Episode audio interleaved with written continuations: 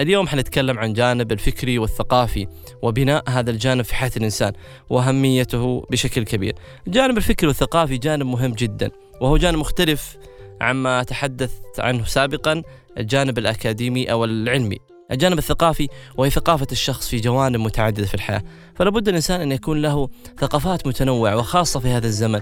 فلا بد أن تكون له ثقافة اقتصادية جيدة وأيضا ثقافة سياسية وثقافة معرفية وثقافة مجتمعية وأيضا تكون له ثقافة في ذاته وتطوير مواهبه وقدراته. مثال على ذلك سوف أذكر طرق عملية لبناء الثقافة والفكر في حياة الإنسان.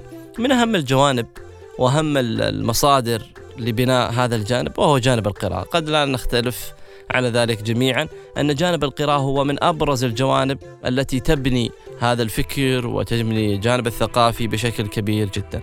آه، القراءة مجالها كبير وواسع ولكن كيف نقرأ وماذا نقرأ؟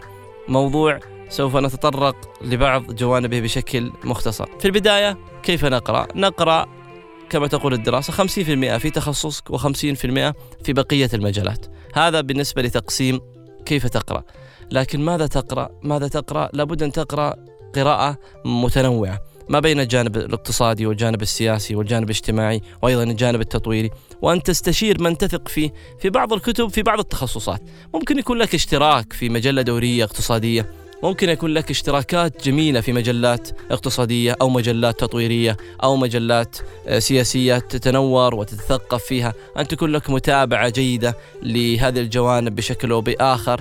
ممكن أيضا أن تستمع لأشرطة مواد علمية متنوعة في هذه الجوانب.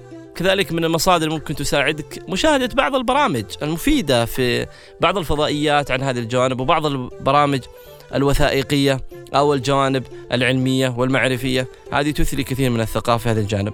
من الطرق الجميلة في بناء الجانب الثقافي أيضا حضور الندوات والدورات والمؤتمرات. لابد أن يكون لك مؤتمر واحد سنوي في تخصصك وممكن يكون لك آخر في غير تخصصك تستفيد منه. أيضا الحضور الدورات المتنوعة بالذات فيما تهتم به. ممكن أن تحضر دورات تثري ثقافتك ومعرفتك. نستغرق وقت طويل جدا في سياراتنا. ممكن أن نستمع لكثير من المواد العلمية الجميلة في السيارة. السيارة مكان خصب جدا للاستماع.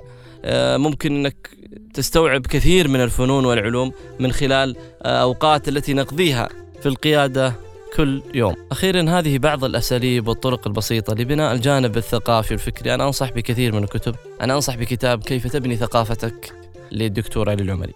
نلقاكم في حلقة قادمة بإذن الله.